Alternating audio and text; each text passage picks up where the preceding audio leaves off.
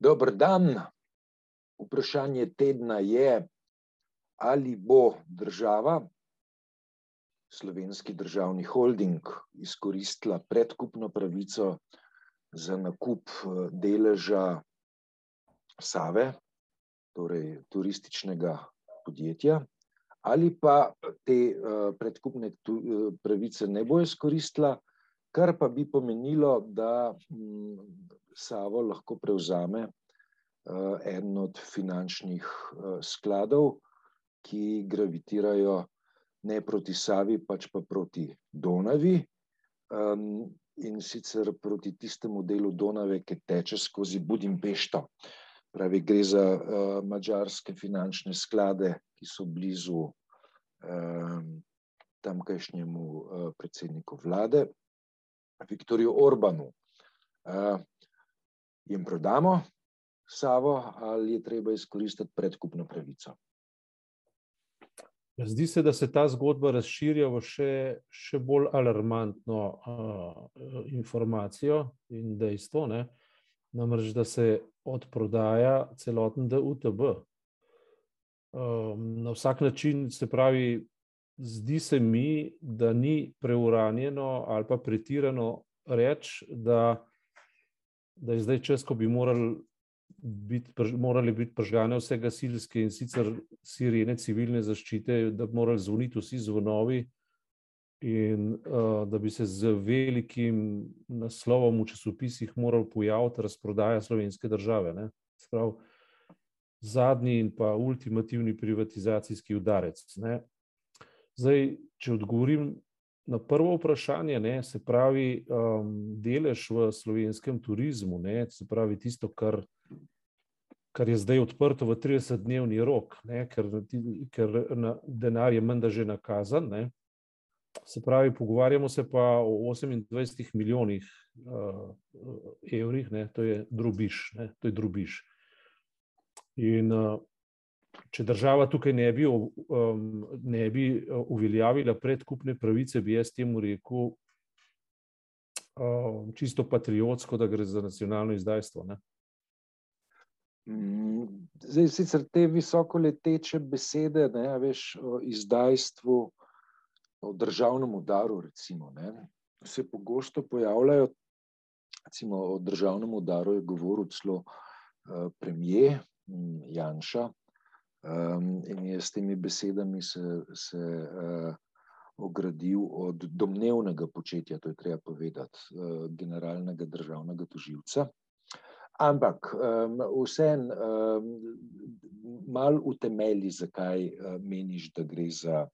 Glej, saj lahko greva, lahko greva pač po postopnih korakih, ne. Ampak DUTB je bil pač namenjen temu, da se država postopno v nekih izrednih kriznih razmerah, začelo se je vse skupaj s krizo, po nekem preudarnem scenariju, a ne, začnemo ukvarjati z vprašanjem, kako se temu reče, družinske srebrnine, ne. Družinska srebrnina ima pač dve komponenti, prvo, kar to, prvo, kar je, je to, da je srebrnina, to se pravi, da ima neko vrednost, druga komponenta je pa to, da, da ima, da, da imamo opravka z neko družino, ne, v tem primeru državo, seveda, ne moremo zdaj govoriti o niti o narodnem programu, ne moremo govoriti o o nekem domovinskem občutenju, ne, kar sicer Janševa, kako naj rečem, ideološka sredina neprestano počne, ne. Lahko pa govorimo o patriotizmu oziroma o državi, ne. In ta država ima neko, je imela, ne, je imela pač neko gmotno zaledje, ki, s katerim naj bi kar najbolj umno gospodarila, ne. Pri DUTB-ju se je izkazalo, da se je razprodajalo do zdaj nesmotrno, in to je pač treba povedati. In v zdajšnjem primeru ni nič drugače, samo da je spotencirano, ne, in predvsem to, ne, da če se celotni DUTB zdaj proda Madžarom, ne, imamo pa opravka s tem, v imenu česa se je kreirala naša ustavnost, naša ustavnost je bila namenjena naši državi, naša država pa našim državljanom. Jaz mislim, da smo v fazi, v kateri visokoleteče besede niso odveč. Mislim, da smo v fazi, kjer jih je treba izrekati in predvsem prevajati v politično govorico. Politična govorica pomeni, ne, da je točka, da gre za točko, na kateri se mora politika poenotiti in jaz osebno, kot državljan, bi pričakoval, da se bo skreirala neka parlamentarna skupina ali pa celo večina, v tem primeru celo večina, ne, ki bi do tega na zavezujoč način ali pa vsaj na resolucijski način zauzela in izredno močno stališče in ga predstavljala vsem državljanom. Vsi državljani namreč so tisti, ki kot voljivci sestavljajo parlament. Ne. Eh, parlament je predstavništvo in ne pozabimo, vlada je izvršni organ. To ni samo voljna entiteta, ki lahko prodaja in razprodaja po svoji mili volji, ampak mora delati tako, kot uh, narekuje to interes ljudstva, voljivcev, in, oziroma ko, točno je precizno in moderno rečeno, državljanov in pa interesov države, ki je pa ustavna kategorija.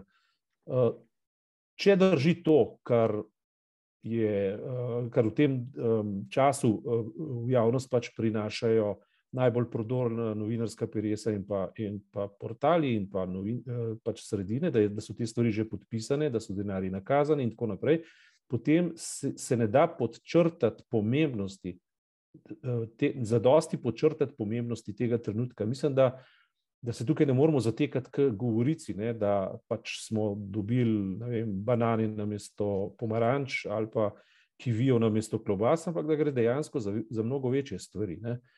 In s tem, s tem pravzaprav tudi uh, utemeljujem. Ne? Se mi zdi, da gre za, za, za, za celo prelomen trenutek, ki bi terjal, ki bi terjal uh, zelo, zelo širok, uh, tudi civilno-družbeni angažma, ki pa bi ga v tem primeru morala voditi politika. Uh, Seveda, uh, logično, da opozicijska ali pa vsaj koalicija razumnih. Ne? Tudi nekaj mi je pritegnilo pozornost. Ne? Zelo sem presenečen, da v zadnjem tednu, ko se že vse to ve, ne, Ministr Počivalšek, ki je zastavil, ki je zastavil svoj, svojo kolaboracijo s to vlado ne, v imenu tega, da se bo pač iz slovenskega turizma v nacionalnem interesu nekaj storilo, ne, tako trdo vratno moči. To je zelo, zelo simptomatično. Ko počrtuješ zeleni flomaster v roki, pa nadaljujeva pri ministru Počevalšku. Namreč ideja njegovega bivanja v, v politiki je vezana na tako imenovani slovenski turistični holding. Zdaj, kot zdaj le kaže, ne, bi to dejansko bilo transformirano v mađarski turistični holding, ki operira na ozemlju Republike Slovenije. Natanko tako in to je škandalozno.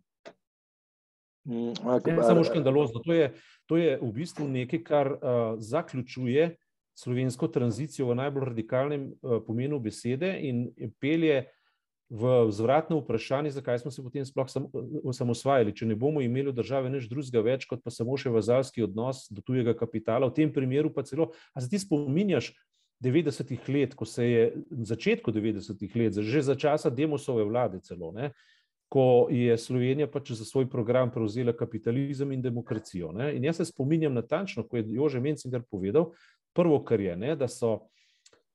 Mislim, prvo, kar je govoril, je o družinski srebrnini, potem pa je govoril, da se take stvari, kot so prodaje, delajo prvič razpršeno, nadzorovano in drugič z partnerji, ki so oddaljeni od naših meja, predvsem zato, da se uh, ne bi oživile kakšne zgodovinske slabe, uh, slabe, slabe občutki ali pa slabi spomini. Ne.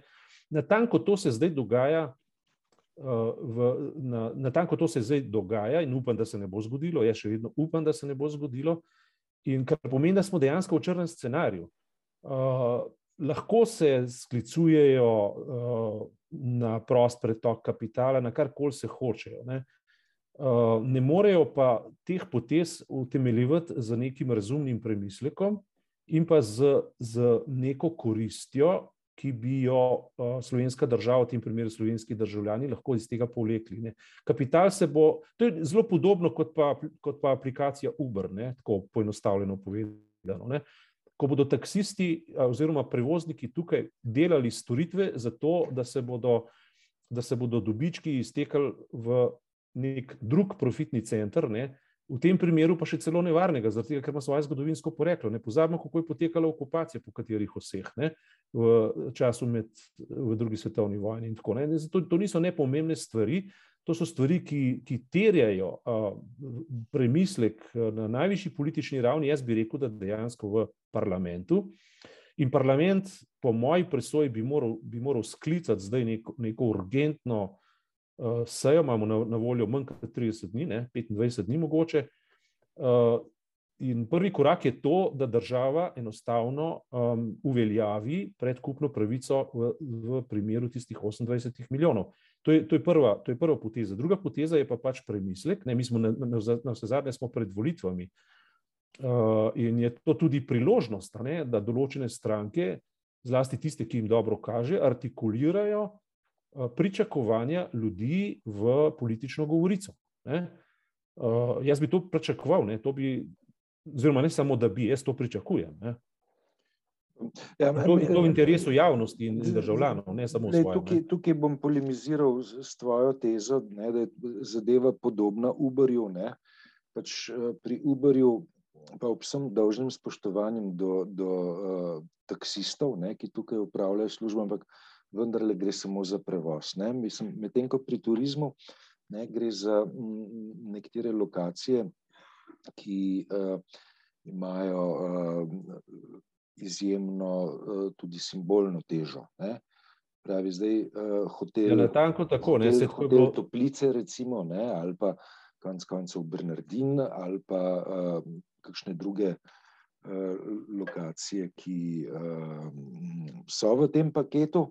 Ne, uh, Ne predstavljajo samo uh, srebrnine, ne, ampak so del nacionalne, reč, kulturne, simbolne dediščine. Tudi, ne.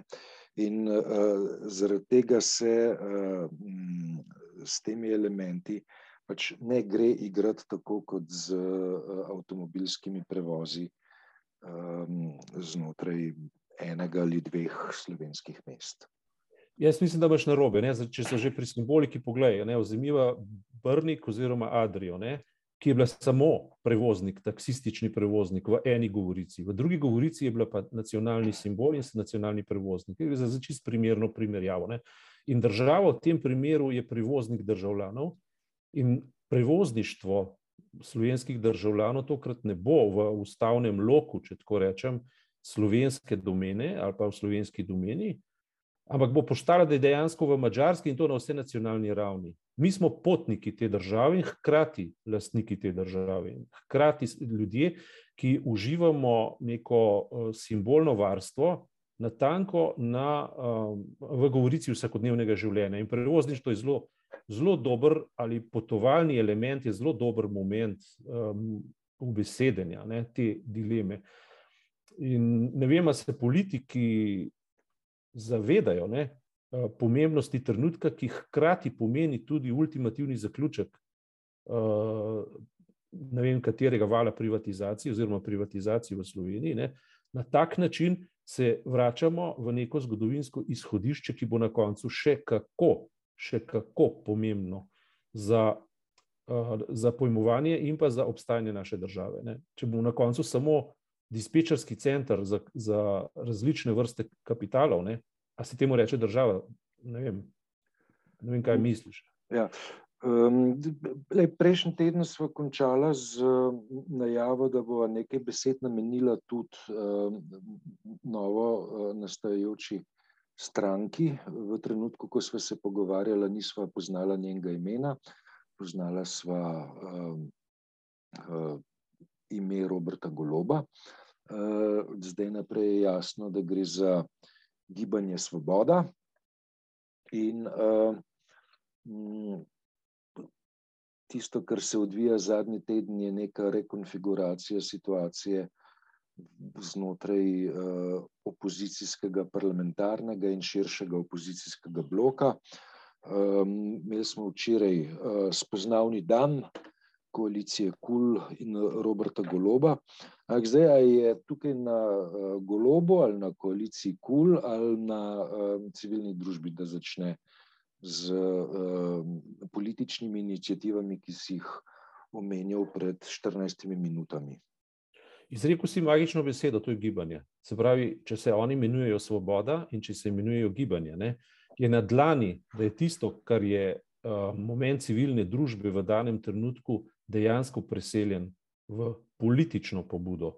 Gibanje to lahko dela, ampak ti ljudje so plačani in želijo biti plačani za to, da počnejo nekaj, kar civilna družba počne brezplačno. Vsa bremena te države ne morejo biti naložena na hrbte civilne družbe, ki je pokazala, da se da, ki je pokazala, da je lahko zelo uspešna in je pokazala, da jim ljudje sledijo.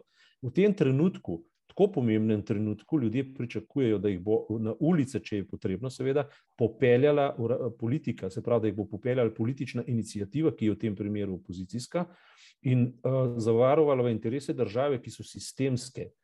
Ki so sistemski, to se pravi, država ni samo civilna družba, ampak ljudje davke plačujejo na tanko zato, da funkcionira tudi v institucionalnih okvirih in institucije tukaj ne sme in ne more odpovedati.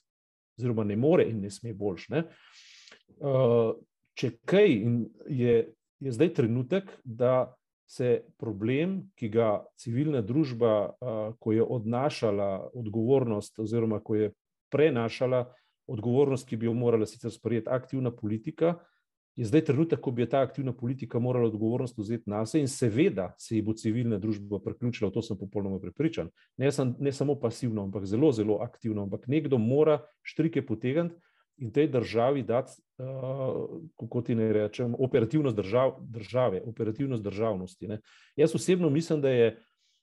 Uh, Da je to lahko celo preizkusni kamen nove stranke in pa kula. Uh, se pravi, tu tudi SD, če hočeš, ne, ki uh, gradi na, na programskih uh, temeljih in je premalo napisati programe, zdaj čez akcijo. Ne. Treba preprosto nekaj narediti, ker uh, od tega enega meseca in potem od nadaljevanja uh, razprodaje in to za stonkarske razprodaje civilne, pardon, družinske srebrnine ali državne srebrnine, je odvisno veliko prihodnih let, ne malo, ampak veliko prihodnih let. Ne.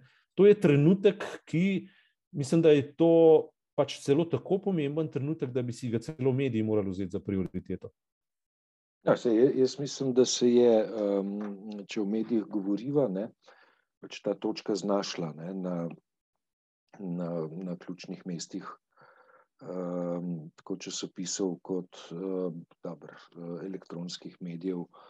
Uh, slika, slika pa je pregledna, ne? mislim, zaradi tega, ker uh, rekonstrukcije teh um, uh, kapitalskih naves zelo jasno kažejo, da vo, vodijo, um, finanč, da, da, da vodijo uh, povezave proti um, dvoru uh, mađarske vlade. In, uh, ja, tukaj je vsaka čast pač prebojnim uh, novinarjem, raziskovalnim novinarjem, ne, ki so upravili posel, ki bi ga politika že zdavni ali pa že sproti pač morala. V tem ni dvoma, ampak treba je pa zdaj, mislim, z eno besedo povedano, vrak je vzel šalo. V tem primeru pa res. Ne, in tako kot je pač. Uh, inštitut 8. marec takrat v zvezi z vodo uspel ljudi pognati na cesto, to bi zdaj morala početi politika. Ne? Dobro, uh, hvala za ta teden. Nadaljujeva naslednjo sredo. Uh, domnevam, da se bo tema uh, ponudila sama od sebe. Hvala. Srečno, srečno tebi, poslušalcem in gledalcem. Srečno.